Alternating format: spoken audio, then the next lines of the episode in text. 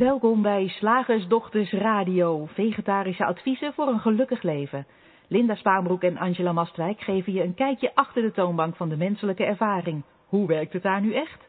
Wij maken gehakt van ingewikkelde concepten en fileren met liefde ook jouw leven. Dat alles onder het motto geluk. Mag het een onsje meer zijn? Goedenavond luisteraars. Um, en ik wou zeggen goedenavond Angela, maar Angela is zo te zien nog niet uh, ingelogd. Uh, zij is op dit moment op reis van Portugal richting Nederland. Dus het zou kunnen zijn dat ze even wat uh, moeite heeft met haar verbinding. maar ze zal er ongetwijfeld zo bij zijn. welkom bij de radioshow van vandaag. Vandaag gaan we het hebben over um, baan en privé balanceren of werk en privé balanceren misschien beter gezegd. Want ja, niet iedereen heeft een baan en sommige van ons zijn ondernemers zoals ik zelf. Maar werk en privé balanceren is typisch zo'n uh, ja, zo'n onderwerp waar wat, wat, wat voor veel mensen speelt in het kader van stress. En zoals je weet is deze maand uh, onze, uh, is ons thema stress. Stress en ontspanning, beter gezegd. Dus wij gaan het uh, vandaag hebben over uh, werk en privé balanceren. Nou, voordat we daaraan gaan beginnen, natuurlijk zoals altijd mijn, uh, mijn eerste vraag aan jou als luisteraar. Om je vragen of je dilemma's of je mijmeringen aan ons voor te leggen via het question and answer form op de pagina waar je op dit moment naar ons luistert. Nou, dat, uh, die vraag mag gaan over het thema van vanavond. Maar het is ook helemaal prima als het gaat over een ander onderwerp. Als je een andere vraag hebt. Misschien op basis van een eerdere radioshow. Misschien op basis van iets wat je hoort. Alle vragen zijn welkom. Nogmaals in het question and answer vorm. Ben jij een podcastluisteraar en luister je niet naar ons op 15 maart, maar op een uh, andere datum, dan geldt voor jou dat we jouw vragen heel graag ontvangen via radio de slagers. Uh, nee, nee, ik moet het even, ons nieuwe e-mailadres radio shiftacademy.nl. En academy schrijf je op zijn, op zijn Engels. Inmiddels is Angela bij ons aangesloten. Hi Angela. Hoi, ik uh, was even aan het uh, uh, rommelen, omdat ik het vandaag via de telefoon doe. Want ik sta op een plekje in Frankrijk waar geen enkel internetsignaal te ontvangen is. ik vermoedde al zoiets. Ik had onze luisteraars ook al verteld dat, uh, dat jij onderweg bent uh, van Portugal naar Nederland. Dus dat dat waarschijnlijk de reden was waarom je wat later was. Dat betekent dat je er gelijk lekker in kan duiken, Angela. Want uh, ja. ik heb onze gebruikelijke introductie al gedaan. Dus brand maar los over werk en privé combineren, balanceren, zoals we het genoemd hebben. Vandaag is het meer uh, reizen uh, en werk. Nou ja, is dit werk? Weet ik eigenlijk niet. Ja, niet echt. Balanceren. en, dat, uh, en dat vereist soms ook wat, wat, wat creativiteit en inventiviteit. Zo had ik vandaag een deadline en geen internet, dus dat was heel erg leuk. En toch is dat gelukt, al rijdend met een hotspot via mijn telefoon. Maar ja, Uh, je hoort heel veel tegenwoordig van uh, mensen die zich tot de sandwich-generatie re rekenen. Hè? Van, dat, dat zijn mensen die zelf nog kleine kinderen hebben. We beginnen meestal wat, wat later aan kinderen in Nederland tegenwoordig, als ik het zo bekijk. En dan zijn de eigen ouders bejaard tegen de tijd dat de kleinkinderen geboren worden. En dan is het een soort. en er moet natuurlijk gewerkt worden. Want dat willen we ook allemaal blijven doen. En dan is het een soort circus act om dat allemaal uh, in balans te houden en, en te regelen. En daar wilden wij het vanavond over hebben, want dat lijkt een hoop stress op te leveren. En uh, ja, aangezien wij toch een hele andere insteek hebben over stress, uh, gaan we het daar maar eens over hebben, dacht ik. Ja, ik ja. ken nog steeds. Uh, Sorry? Ja, ik heb nog steeds uh, de herinnering aan, mijn, uh, aan de to-do-lijsten die meestal in mijn hoofd zaten. mm. Niet op papier stonden, waarmee ik dan zo een soort uh, wakker werd ochtends. En dat ik dacht dat ik pas kon ontspannen zoals ik, als ik dat hele lijstje had afgewerkt. Er zat ook nog een heel strak schema aan ja. vast. Ja, ja, en ik, ik heb uh, in dat kader uh, ben, ik, ben ik ietsje uh, formeler aan de slag gegaan. Dus ik had wel to-do-lijsten, maar ik voelde, ik, ik, ik um, um, deed zelfs een, of ik volgde zelfs een volledig time management systeem. Ik was erg into getting things done. De naam zegt het al. Een systeem specifiek om zoveel mogelijk taken en taakjes gedaan te krijgen in zo min mogelijk uh, tijd. Wetende dat je je to-do-lijst nooit helemaal afkrijgt, maar dan wel toch kijken uh, wat de slimste manieren waren om zoveel mogelijk voor elkaar te krijgen. En ik moet je zeggen, dat, uh, dat werkte ook. En wat er van bij Kettingsings dan ook gezegd werd, ja, wat, wat, wat het gevolg is als je dit systeem volgt en, en, en, dus je time echt managt en je taken ook vooral managt en die in bepaalde brokjes op een bepaalde manier opdeelt, um, dan, dan staat uiteindelijk alles op, op papier of alles zit in het systeem. En op het moment dat alles in het systeem zit, hoef je er niet meer over na te blijven denken. En in Getting Things Done werd dus gezegd, dat scheelt. Want dan krijg je ruimte in je hoofd en dan heb je tijd voor andere dingen. Nou, dat, uh, dat, was, dat was wel waar. Uh, het, het, Mhm. het, scheelde inderdaad. Ik kon meer voor elkaar krijgen en ik hoefde er minder over na te denken. Dat klopte.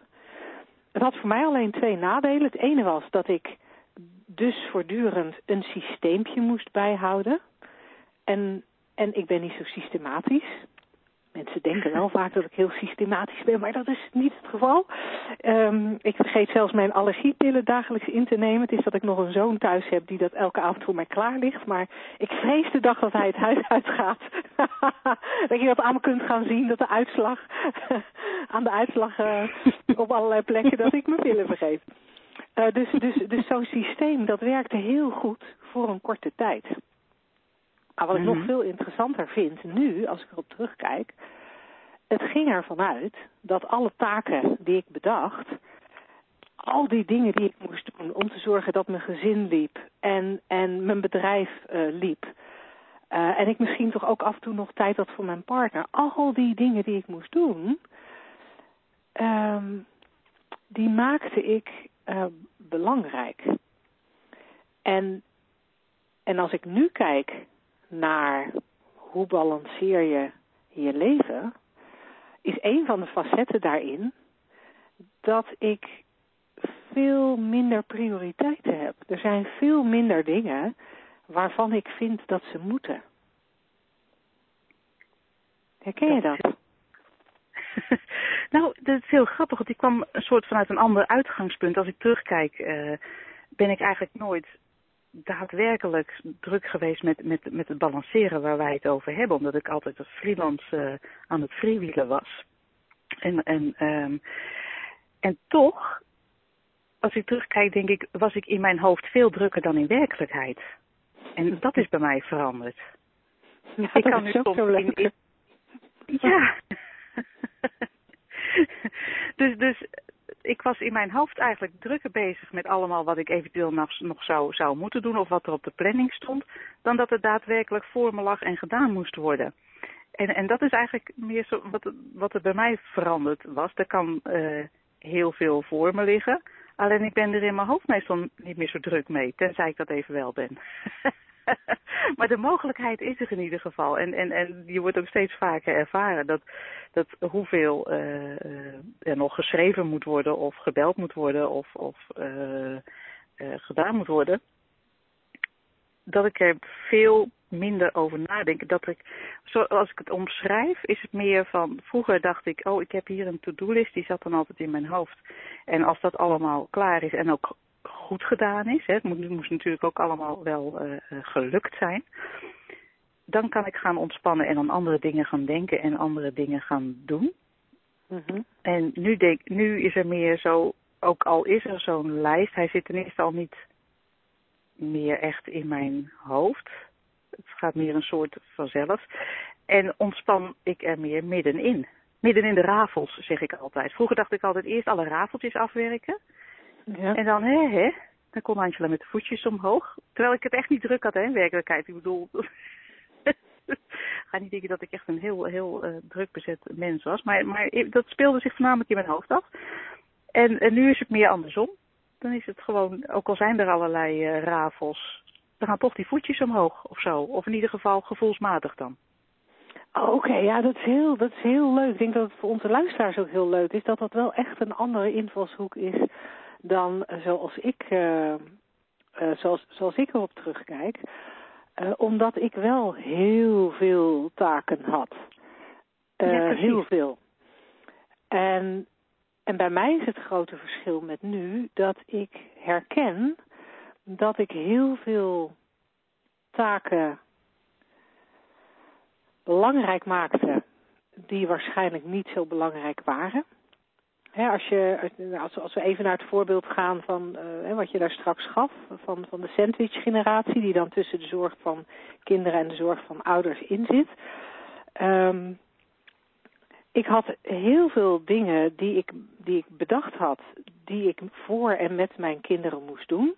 Nou, om te beginnen natuurlijk al het huishouden, wat wel, uh, het, huis moest wel schoon zijn, het moest ook opgeruimd zijn, er moest uh, iedere avond gekookt worden. Voordat je gaat slapen moest uh, wel het ook weer opgeruimd worden. Qua speelgoed was ik nooit zo streng, maar de keuken moest natuurlijk wel opgeruimd zijn. Uh, we hadden een allergisch kind, dus er moest wel regelmatig genoeg gestofzuigd worden. De bedden moesten regelmatig genoeg gewassen worden. Er moesten boodschappen gedaan worden. De, de, de, de koken had ik geloof ik al genoemd. Um, maar je moet ook activiteiten met je kinderen doen. Want je kan natuurlijk niet die kinderen maar een beetje aan hun lot overlaten. Daar moet je wel mee naar de speeltuin en dat soort dingen. Uh, daarnaast heb je natuurlijk je werk, daar moet je wel op tijd zijn. Uh, ik heb ook nog een tijdje een, uh, een universitaire studie daar, daar ook nog in de mix meegenomen. Dus daar moest, ik moest naar de universiteit, moest gestudeerd, boeken gekocht, tentamens gehaald.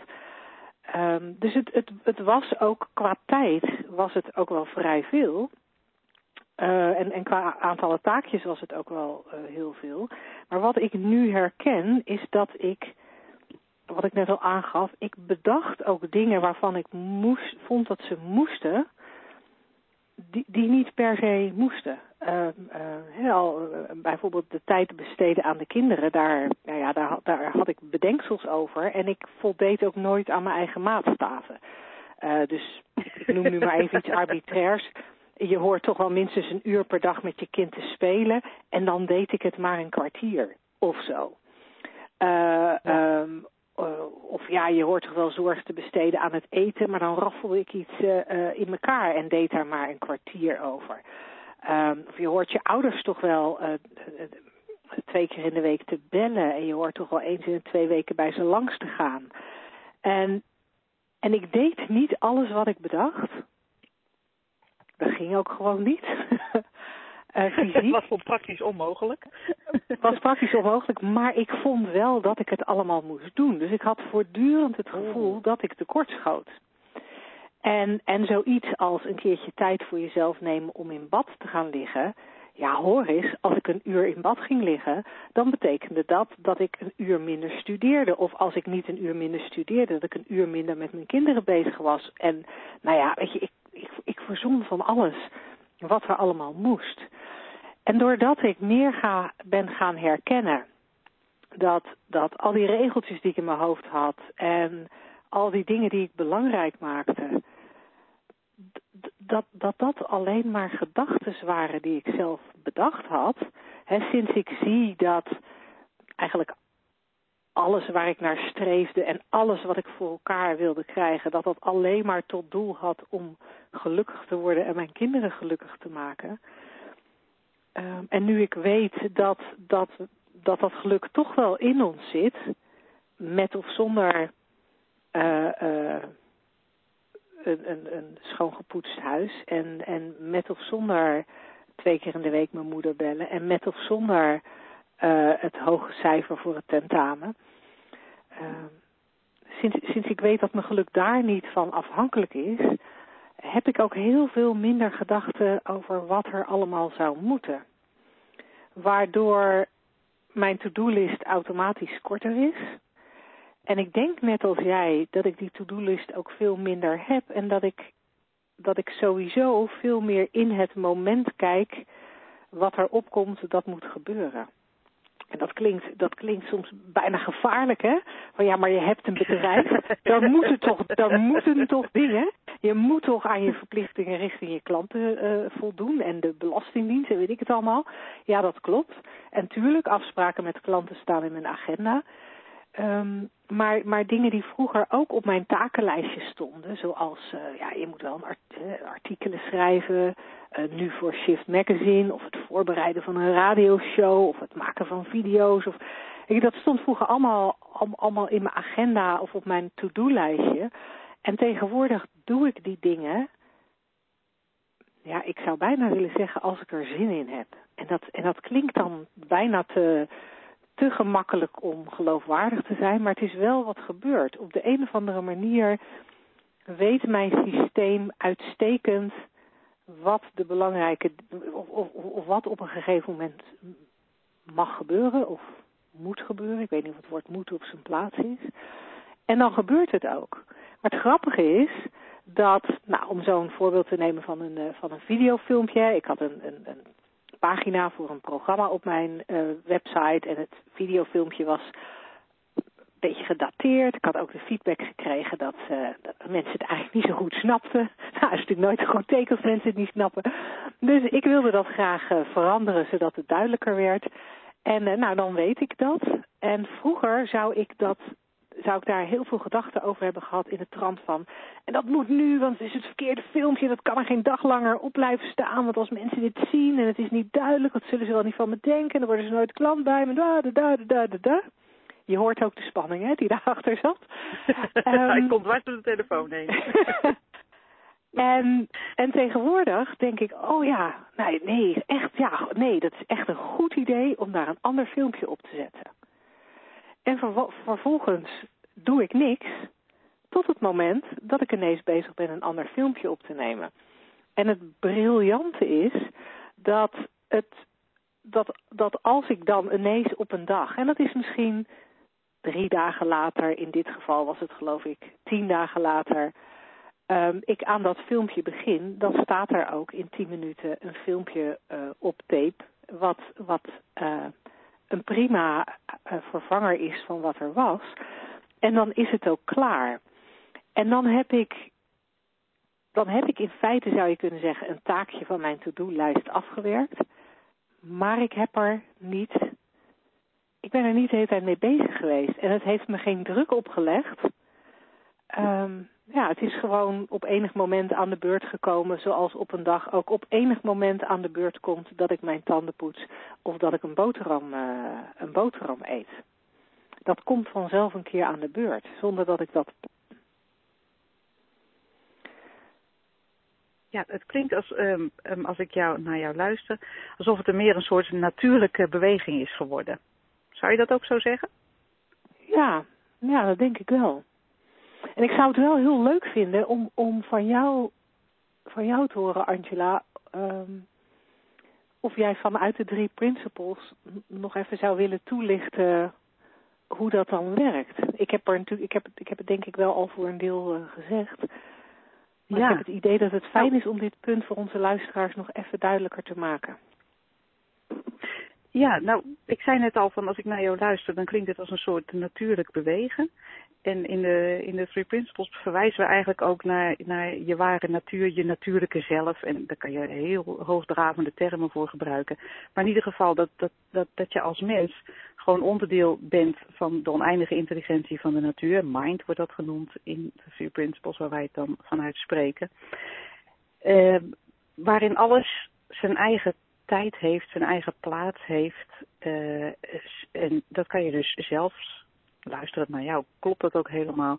Uh, toepassen in werk en zorg en, en de combinatie daarvan. Zoals een, een boom ook een natuurlijke uh, impuls heeft om zijn blad los te laten als het daar de tijd voor is in het seizoen. Uh, en afhankelijk van waar die boom geplant is. Kan je als mens je eigenlijk ook zo, zo bewegen vanuit die oneindige intelligentie. En, um, en er komt vanzelf eigenlijk de impuls, hè, zo omschrijf jij dat eigenlijk ook, om te doen als, als wat er te doen is. En het lijkt voor de mensen alsof het niet mogelijk is, omdat er zoveel van buitenaf op ons afkomt. Maar ook daar weer is het, uh, wat van buitenaf eh, op ons afkomt, kan niets bij ons binnen teweeg brengen, totdat wij er allerlei gedachten over gaan hebben. En die in ons bewustzijn tot leven komen, zoals jij omschreef van, oh, dan, dan, uh, zo, zo'n zo'n zo'n zo'n filmpje die, die gedachten die, daarover, die daar eerder over opkwamen bij jou, uh, die dus stress teweeg brachten van oh dat moet nu gebeuren en dat moet uh, van die site af. omdat dat een soort wegvalt als je snapt van oh maar wacht even. Al die persoonlijke gedachten die ik hier overheen gooi, die zijn verder niet waar, daar hoef ik niet zo naar te luisteren. Ik kan gewoon eigenlijk een stapje terug doen en vanuit mijn natuur werken zoals het bedoeld is. Gewoon een soort ja, zichzelf ontvouwen. Dan is er wel zoiets als een filmpje te maken. Maar dan is er ook zoiets als het perfecte tijdstip om dat te doen. En daar hoeven we ons niet zo mee bezig te houden. Dat gaat vanzelf. En ik denk dat je dat heel mooi omschreef, uh, net met, met het voorbeeld van het, van het filmpje. Ja, je bent als mens ook gewoon een onderdeel van die natuur. En ja, natuurlijk hebben wij onnatuurlijke dingen te doen als mens. Werk. Mm. Om maar iets te noemen. nee, dat klinkt, dat klinkt heel gek als ik dat zeg. Maar uh, vanuit, uh, ja, vanuit rust en evenwicht en, en je natuurlijke zelf werkt, is het allemaal veel minder belastend. Omdat je persoonlijke gedachten zich er niet zo mee bezig houden. En dat lijkt heel, uh, het, het lijkt alsof dat heel lastig is, alsof dat bijna niet kan. Ja. Toch vertel jij net een, een heel mooi verhaal van hoe het, hoe het wel kan werken. Als je deze kant op kijkt. En je persoonlijke gedachten niet meer zo serieus neemt. En dus ook de druk die je jezelf oplegt met al dat soort gedachten uh, niet serieus neemt. En, dus, en die verdwijnt dan ook echt. Ja. Tenzij die er wel eens even wel is, maar dat mag ook. Ja, en dat is zo cool, hè?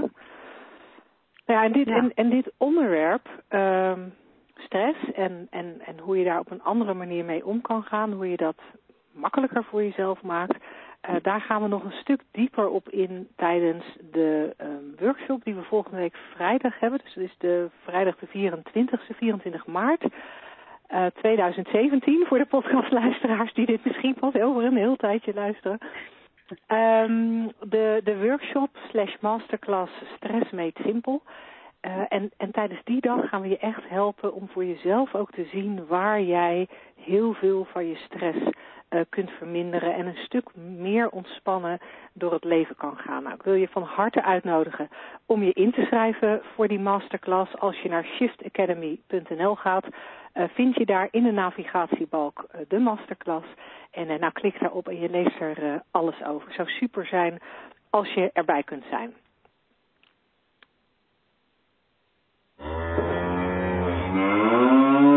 Slagersdochters, wat zit er in de leverworst?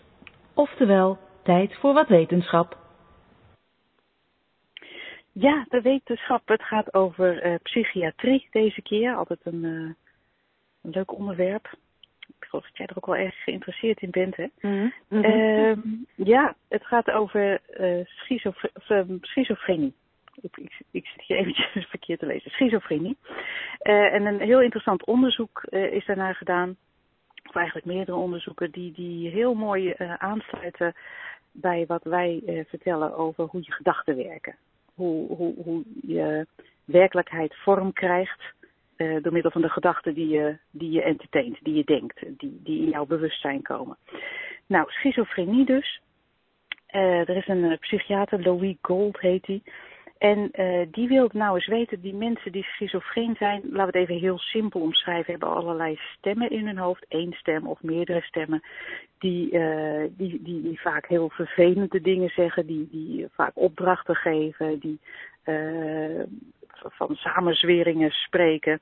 Het zijn, nooit, het zijn bijna nooit hele gezellige mensen die er in dat hoofd rondgaan.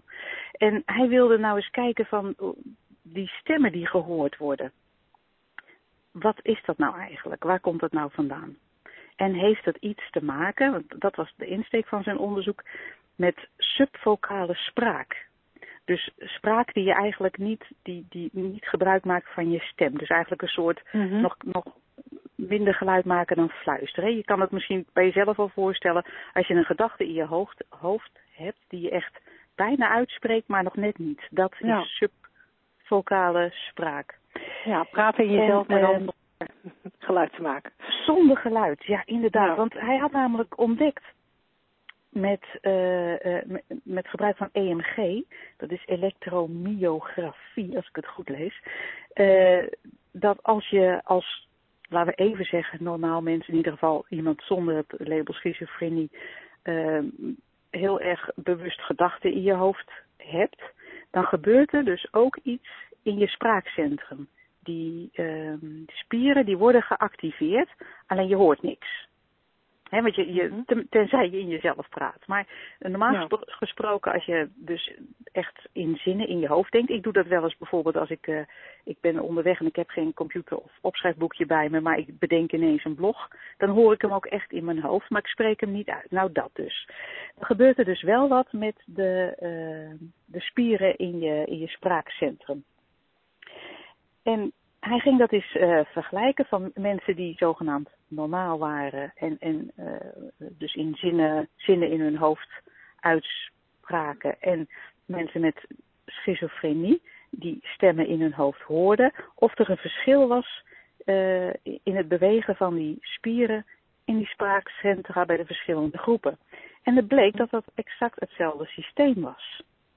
Waarna hij natuurlijk concludeerde, ja, dat de stemmen die gehoord worden door uh, mensen met schizofrenie simpelweg hun eigen gedachten zijn. Alleen, zegt hij, herkennen hun hersenen dus niet uh, het feit dat het hun eigen gedachten zijn, dat het hun eigen subvocale stem is. En omdat ze dat niet herkennen, nemen ze dat allemaal heel serieus. En gaan ze dus uh, aan, aan de slag bijvoorbeeld met de opdrachten die gegeven worden in hun hoofd.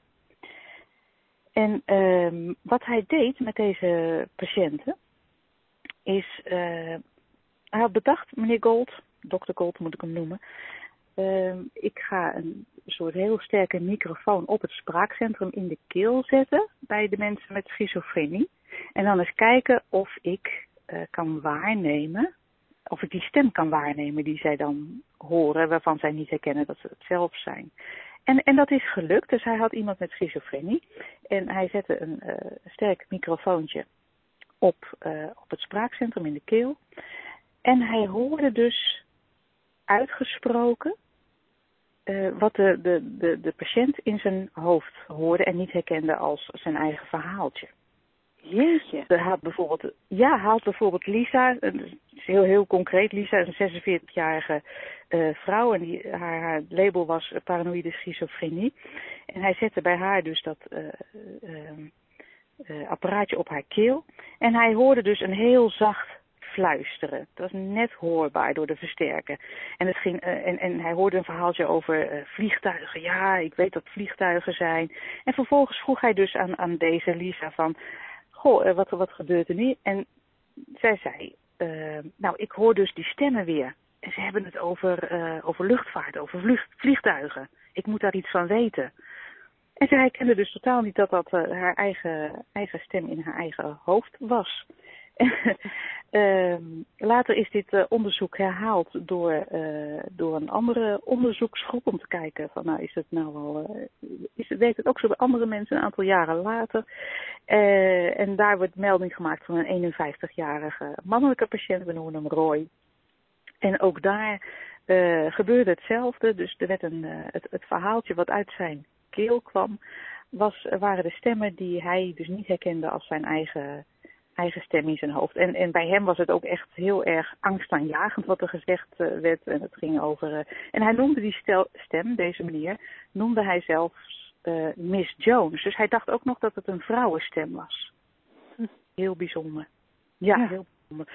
En in het artikel wat ik hierover gelezen heb, daar staat ook van ja, eigenlijk doen we dit allemaal. Ehm, dus eigenlijk praten in ons hoofd. En uh, alleen wij, wij weten gewoon als uh, mensen zonder label, of misschien ook niet, uh, dat wij dat zelf zijn en nemen het niet zo serieus. En als er ineens iets, iets een vreemde gedachte opkomt, zoals, uh, ik, ik, ik noem dan altijd het voorbeeld, ik sla die man uh, voor zijn gezicht, dan ervaart, ervaren wij dat niet als een daadwerkelijke opdracht van iemand om dat ook te doen we denken gewoon van nou, ik heb nu een impuls om die man voor zijn gezicht te slaan. Kan ik maar niet doen, dat lijkt me niet zo handig. En als afsluiter van dit uh, artikel vond ik een, uh, vond ik een, uh, een hele mooie zin. En, en die zegt: Het brein is eigenlijk een meester verhalenverteller. Die ontworpen is om, ja, om, om, om chocola te maken van de chaos in onze levens. Dus het, het, het vertelt ons verhalen over wat, wat we waarnemen, maar het wil niet zeggen dat dat ook waar is. En het, is allemaal, het zijn allemaal onze eigen gedachten. En dat is natuurlijk wat we in uh, Three Principles ook zeggen, dat je met de gedachten die, die, die er in je opkomen, je, je hele realiteit kleurt, eh, vorm geeft, creëert zelfs. En als je dat een beetje gaat doorzien, dan kan het zomaar zijn dat je dat, dat, dat het wat stiller wordt in dat, in, in dat hoofd. Of dat er ineens frisse gedachten opkomen. Want wat ik vaak merk is dat uh, uh, vervelende gedachten die je hebt, die zijn altijd gerecycled. Weet jij dat ook wel eens? Ja, ja. Die zijn nooit nieuw. Die, zijn, die heb je al echt honderdduizend keer gedacht. Ja, ja. ja ik, ik, ik, ik noem dat altijd mijn favoriete gedachtenterreinen. Ja. En uh, uh, ja, die vind ik heel erg leuk. En eigenlijk, eigenlijk is het, zijn die jaren terug al, uh, al uit de dienstregeling genomen. Maar dat ja. weten ze zelf niet, dus af en toe gaan ze gewoon weer rijden. Weer dezelfde ja. gedachten, ja. Oude meuk. Oude meuk, ja. ja. Nou, ik vond dit ook een, een, heel mooi onderzoek, omdat, omdat het eigenlijk ook zo weer zo... Uh, laat zien dat, dat welk label je ook hebt, dat er eigenlijk altijd hetzelfde systeem aan de gang is. Uh, bij jou, bij mij en ook bij deze schizofrenie-patiënten. Er zijn gedachten in je hoofd. Ja, ja. inderdaad. Maar daar hoef je ja. niks mee. Maar, maar blijkbaar als je dat niet, uh, als, als jou dat niet verteld is, of als jij dat niet uh, als zodanig herkent, dan kan je nog wel eens met een, een ernstig label zelfs opgesloten worden. Hè? We kennen het verhaal ook van onze Amerikaanse psychiater en, en psychofarmaceut die al 30 jaar uh, volgens de drie principes uh, werkt, laat ik het zo maar even zeggen. Dus, dus uh, conversaties heeft met, met patiënten met dit soort labels. En hij heeft daar een prachtige voorbeeld van een man die al 40 jaar in een inrichting zat. En na een aantal bijeenkomsten begrip kreeg van, begrip kreeg van hoe zijn mind eigenlijk werkt, hoe de geest werkt met al die, met die gedachten, dat, die, hè, dat je dat allemaal, dat het een intern systeem is. Dat deze man vervolgens uh, herkende, oh wacht even, ik, ik doe dit dus allemaal zelf. En, um, en daarna zijn medicatie kon afbouwen en de kliniek uit kon na 40 jaar en normaal leven kon gaan leiden. Of een normaal leven, dat klinkt een beetje vreemd. Uh, in ieder geval uh, niet, niet meer opgesloten hoefde te zitten en, en gewoon functioneerde. Ja. En dat is natuurlijk uh, prachtig om te weten dat dat een mogelijkheid is. Ja, en het enige wat er voor nodig is, dat vind ik altijd zo fenomenaal. Het enige wat er voor nodig is, is, is herkennen. Ja. Uh, dat je gedachten hebt en dat die met je op de loop gaan. Uh, dat je die gedachten als waarheid aanneemt, terwijl het alleen maar een gedachte is. In feite een random gedachte. Alleen ja. ja. we hebben geleerd die random gedachten serieus te nemen. En uh, toevallig had ik vandaag uh, een, een uh, we zijn vandaag gestart met een driedaagse training. En, en toen hadden we het er met een groep ondernemers en toen hadden we het er ook over dat we ehm, dat, dat, daar, dat daar vaak de crux zit. Dat we random gedachten hebben die we serieus nemen, maar dat ons dat blijkbaar ook geleerd is. Maar dat we tegelijkertijd ook best vaak gedachten hebben die we helemaal niet serieus nemen. Alleen dat hebben we niet in de gaten. Want misschien denk je wel, uh, s ochtends als je opstaat, pot voor drie, het, uh, uh, het regent alweer. Wat een vervelende dag wordt dat. En, en je draait je nog een keertje om in bed en vijf minuten later word je weer wakker. En, en, en ben je dat al lang vergeten dat je dat gedacht had en begin je vrolijk aan je dag omdat dat toevallig niet een favoriete gedachte is. Omdat dat er toevallig een is die je niet recycelt. En er zijn andere gedachten die voortdurend maar uh, terugkomen in je hoofd. Omdat je daar ook voortdurend over nadenkt. Als die gedachte terugkomt, dan pak je hem beet. Bekijk je hem van alle kanten. en, en ga je erop in? Voorzien je er van alles bij, waardoor die gedachte ja, zoveel realiteit krijgt, dat je niet anders kan dan geloven dat je die persoon op zijn gezicht moet slaan, om jouw voorbeeld nog maar even aan te halen. dus echt, uh, ja, fascinerend. Heel fascinerend. Dankjewel Angela voor deze wetenschap. Zeg, slagersdochters, hoe bak ik die vegaburger? Over naar de luisteraarsvraag. Ja, op de mail heb ik niks binnen. Heb jij iets in ons Q&A-vakje staan? Ja, ik heb, uh, ik heb een vraag van Ilse. En Ilse zegt, als ik minder zou nadenken over wat ik moet doen, zou het heel leeg worden in mijn hoofd. Ik realiseer dat ik voortdurend bezig ben met verzinnen wat er moet gebeuren. Maar als ik daarmee stop, dan is er niks meer. Dat vind ik heel eng, want wat dan? Dan doe ik misschien niks meer. Oh ja. Ja, dat is een hele mooie vraag. En ook eentje die, die vaak gesteld wordt. Wat, wat, wat, wat goed dat Ilse dat even meldt. Want uh, ik kan me ook voorstellen dat dat uh, een soort als dreiging boven het hoofd hangt. Maar als ik er leeg ben, dan zit ik op de bank en dan sta ik niet meer op. Ja. Ik, dat kan ik me heel goed voorstellen dat dat... Uh, nou ja, gezien wordt als, als een gevolg van een, van een leeg hoofd. En ik denk dat, uh, dat jij net als ik daar een heel andere ervaring in hebt of mee hebt. He, wat jij zo net vertelde over dat je dan ineens oh, zo'n filmpje maakt en dat het er in één keer op staat en dat het prima in elkaar zit.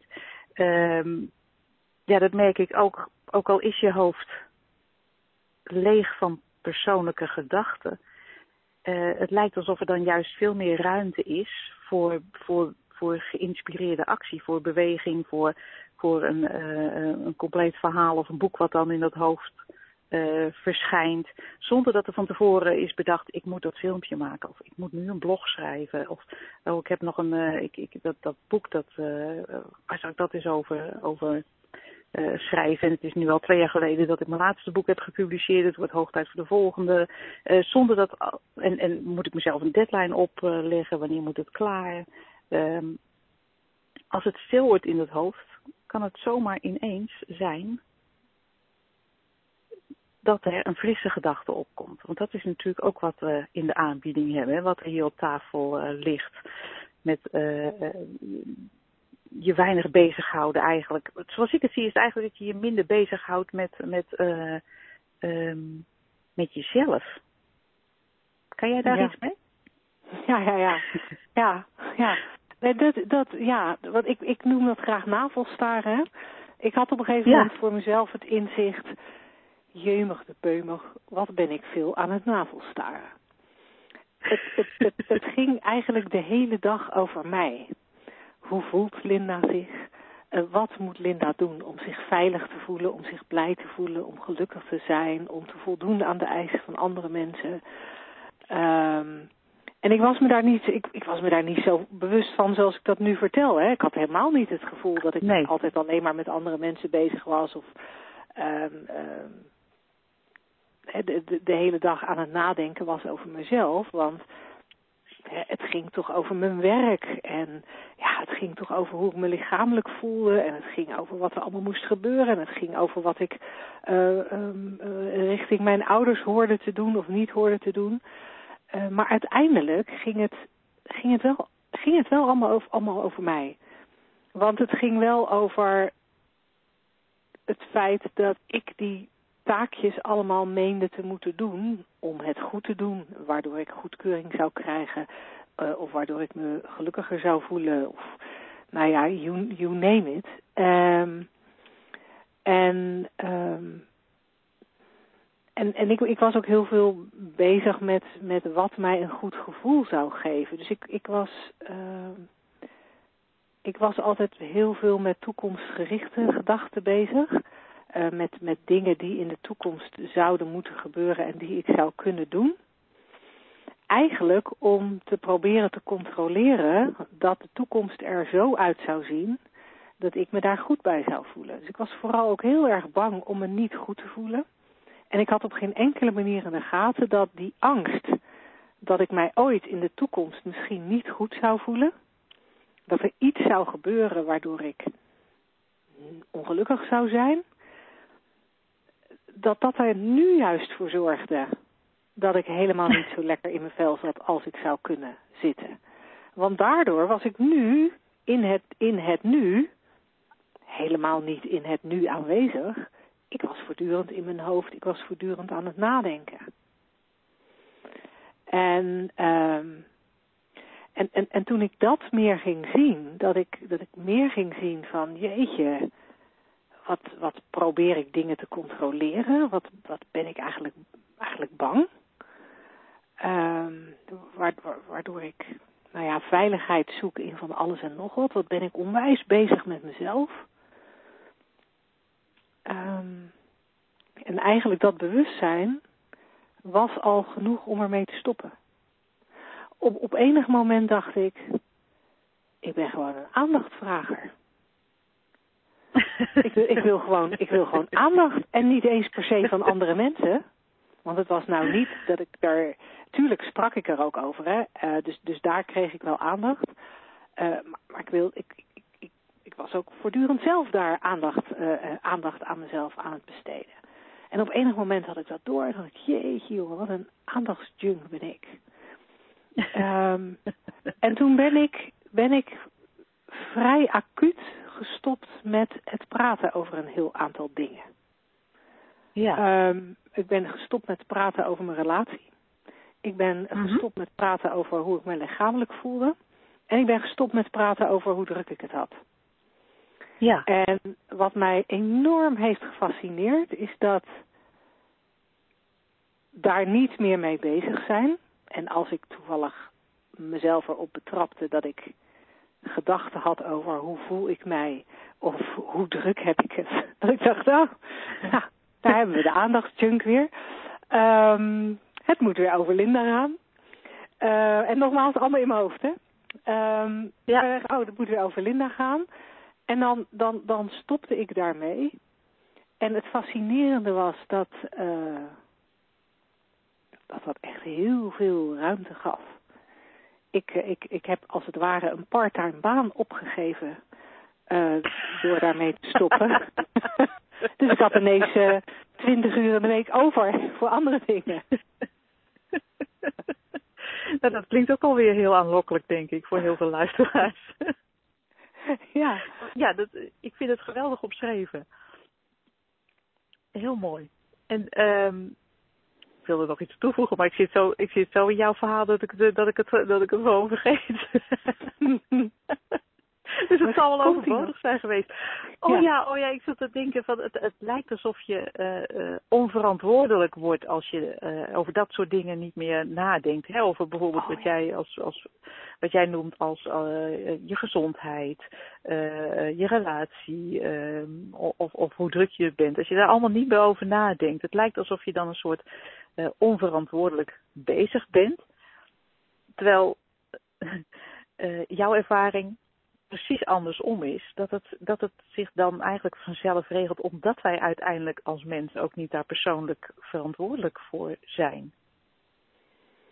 Nee, en, en, en dat is inderdaad dat is inderdaad gaaf om te merken. En het is ook gaaf, wat ik ook heel gaaf vind om te merken, is dat je uiteindelijk veel meer kunt vertrouwen op die universele wijsheid of die universele energie dan ik ooit heb gedacht.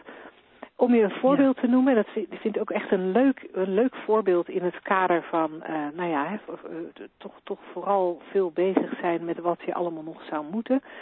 Ik gaf vorige week een, uh, een, een, lezing, ook toevallig uh, bij een, uh, nou was niet toevallig, maar bij een ondernemersclub. Er staat vooral ondernemers in de, in de zaal. en daar, daar, had ik het in de, daar had ik het ook over moeitelozer ja, moeitelozer werken, moeitelozer leven. En toen vroeg ik een van de. En, en ik wilde eigenlijk een soort demonstratietje geven over hoe wij uh, onszelf een beetje gek maken door, door onze gedachten heel erg serieus te nemen. Hoe je jezelf echt in een enorme gedachtenspinter uh, uh, kan werken, die stress oplevert, puur en alleen door een heleboel gedachten achter elkaar te koppelen. Dus ik had iemand gevraagd of die daar even, of, of, of die dat met mij voor de groep even wilde demonstreren. Nou, die man die was sportief, die wilde dat wel. En, die, en dus ik vroeg hem van, is er iets waar jij, ehm, ja, waar, waar jij bijvoorbeeld van wakker ligt? En toen zei hij, ja, ja, nee, dat had hij wel, want um, hij moest regelmatig voor groepen spreken, hè? net als ik op dat moment aan het doen was. En als hij voor groepen moest spreken, dan, dan bereidde hij dat eigenlijk nooit voor. Maar zijn vrouw, waar hij inmiddels 41 jaar met veel genoegen mee getrouwd was, vertelde hij erbij, zijn vrouw vond dat hij het wel moest voorbereiden. Dus zijn vrouw begon dan, voor de zekerheid, zes weken van tevoren hem te helpen herinneren aan het feit dat hij moest voorbereiden. Het effect op deze meneer was dat hij dan s'nachts, s'avonds in bed lag en, en, en dan schoot hem dat te binnen. Oh, ik heb niet voorbereid, maar ik zou eigenlijk wel voor moeten bereiden. En, uh, uh, want mevrouw zegt het en ik wil het eigenlijk niet, maar het moet wel. En wat zou ik dan vertellen? En het is pas over zes weken. Maar ja, en dan ging hij proberen te bedenken wat hij dan over zes weken ging zeggen. Dat lukte nooit zo heel erg goed. En... Um, en toen kwam uit de zaal kwam de reactie, ja, dat is typisch mannen. Vrouwen die bereiden zich wel goed voor. Kijk maar naar Linda, die staat hier met een, met een sluitend verhaal, mooie opbouw, klinkt als een klok. Die heeft zich goed voorbereid. ik heb het zo gelaten, omdat ik dacht, laten we die discussie niet aangaan. Maar dat was helemaal niet waar. Ik stond daar helemaal niet voorbereid. Ik stond daar in het volle vertrouwen dat ik in het moment zou weten wat het goede was om te zeggen. Dat ik kon vertrouwen op die universele wijsheid, of mijn innerlijke wijsheid, of hoe we het ook uh, noemen. Maar dat ik, dat ik een beetje, ik, ik hang dan eigenlijk in een soort vangnet als het ware. Van weet je, dit komt wel goed. Uh, in het moment weet ik wel wat er gezegd moet worden of wat er gebeurd moet worden, uh, wat er moet gebeuren. En, en dat blijkt dan tot nu toe altijd zo te zijn. Ja, mooi. En ook dat scheelt heel veel tijd. dat is ontzettend veel tijd. Ook al die wetenschap dat het ergste wat je kan gebeuren is het, dat je, dat je een, een stressvolle gedachte gelooft. Ah. Ja. En als je voor zo'n groep staat, is het ergste wat kan gebeuren dat je misschien iets zegt wat niet helemaal aanslaat. Maar dan verzin je in het moment iets anders wat wel aanslaat. Ja. Dus, uh, ja, ja, dus Ilse, voorbeeld. Ilse, ik hoop dat je, nou ja, deze combinatie van invalshoeken jou helpen om, uh, om hier wat helderheid uh, in te krijgen voor jezelf.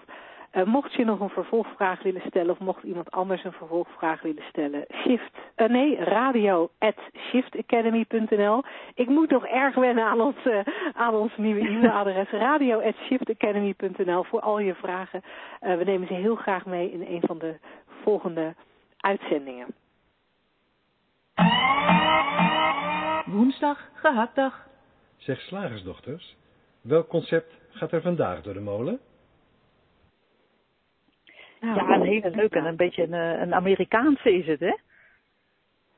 Het is een, uh, ja, nee, ja, ja, was hij maar Amerikaans, maar hij is tegenwoordig ook heel erg Nederlands, al vrij lang. Oh, zie je, dat heb, heb ik dan net even gemist, denk ik. maar het concept van deze week is tijd is geld. Ik vind het een hele leuke. Ja. Tijd is geld. Ja.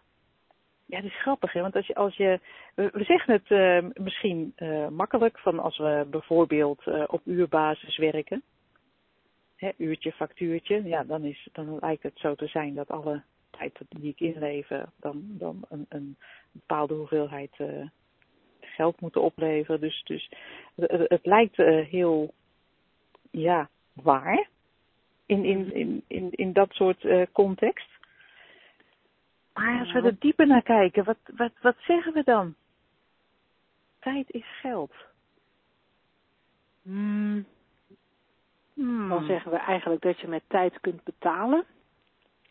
Ja, zoiets. Dan zeggen we eigenlijk dat de tijd heel veel waard is. dan zou je eigenlijk ook zeggen dat je tijd kunt opsparen. En op een bankrekening zetten. En geld ook. geld ook. Ja, net als geld.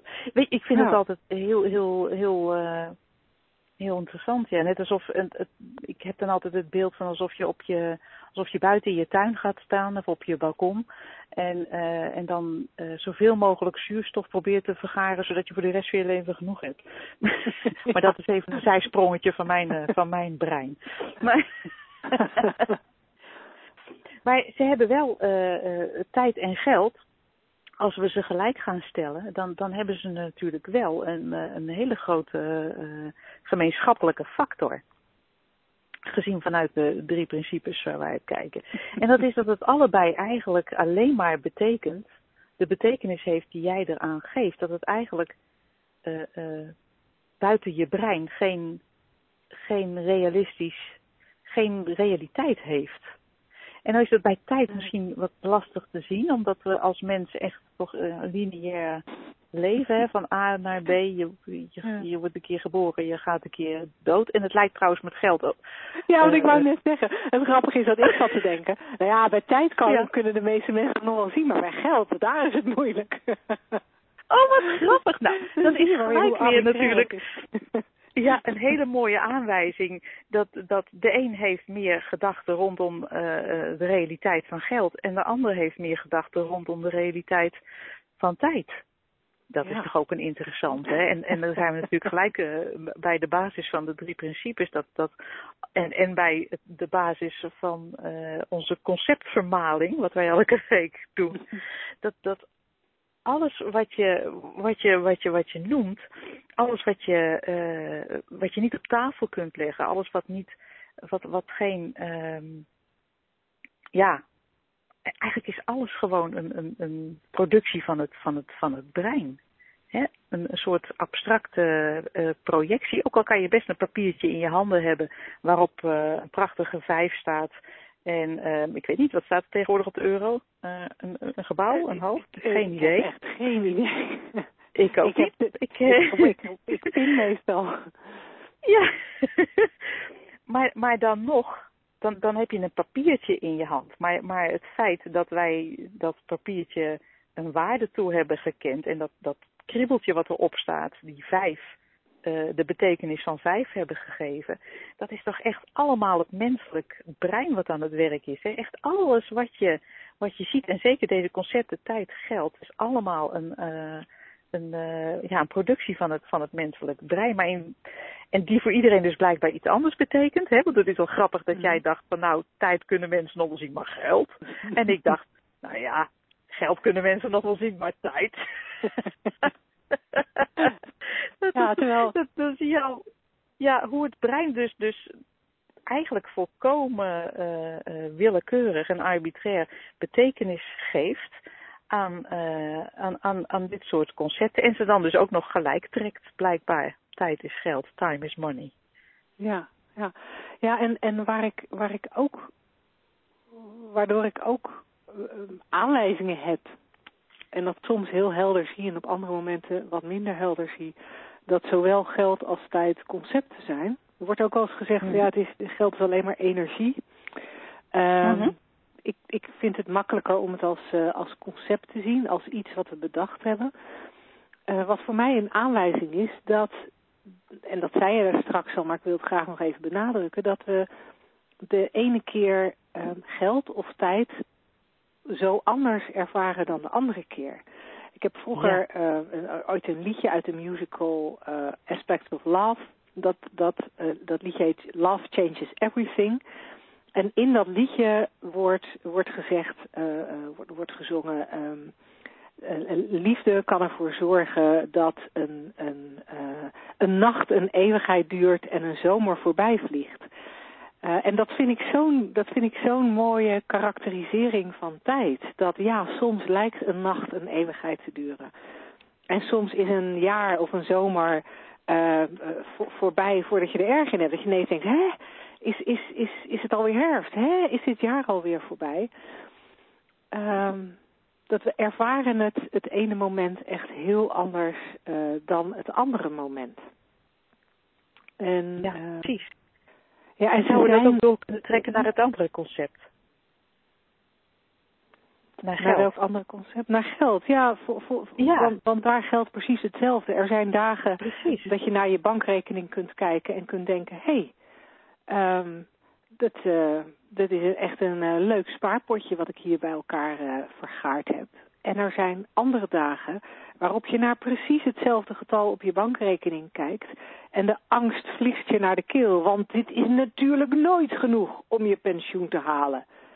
Of iets van gelijke strekking.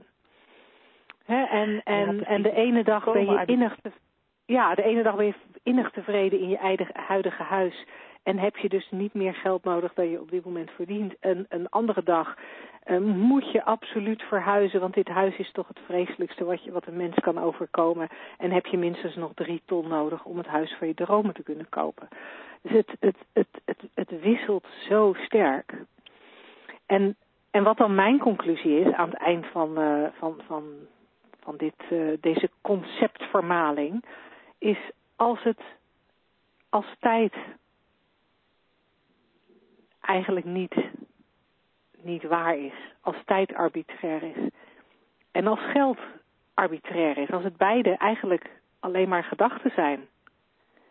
Die echt lijken. we ervaren het vaak als echt omdat dat nou eenmaal is hoe het systeem werkt. We hebben gedachten, ons bewustzijn geeft er kleur, geur en emotie aan en daardoor ervaren wij het als echt. Maar we zien dat allebei eigenlijk alleen maar gedachten zijn,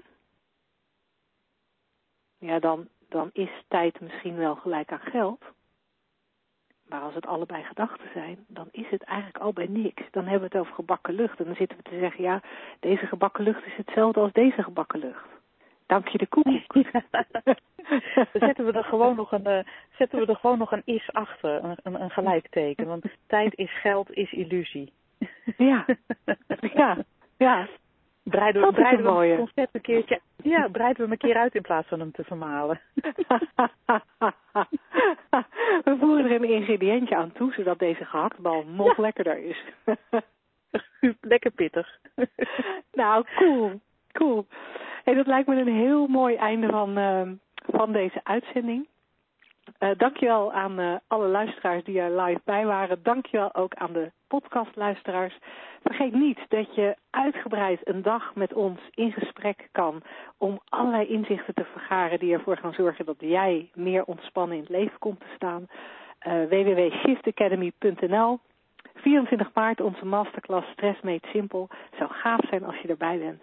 Dus nou, ik zou zeggen, schrijf je in. En uh, dan zien we je volgende week. Zo niet, dan horen we je volgende week. Graag tot dan. Tot dan.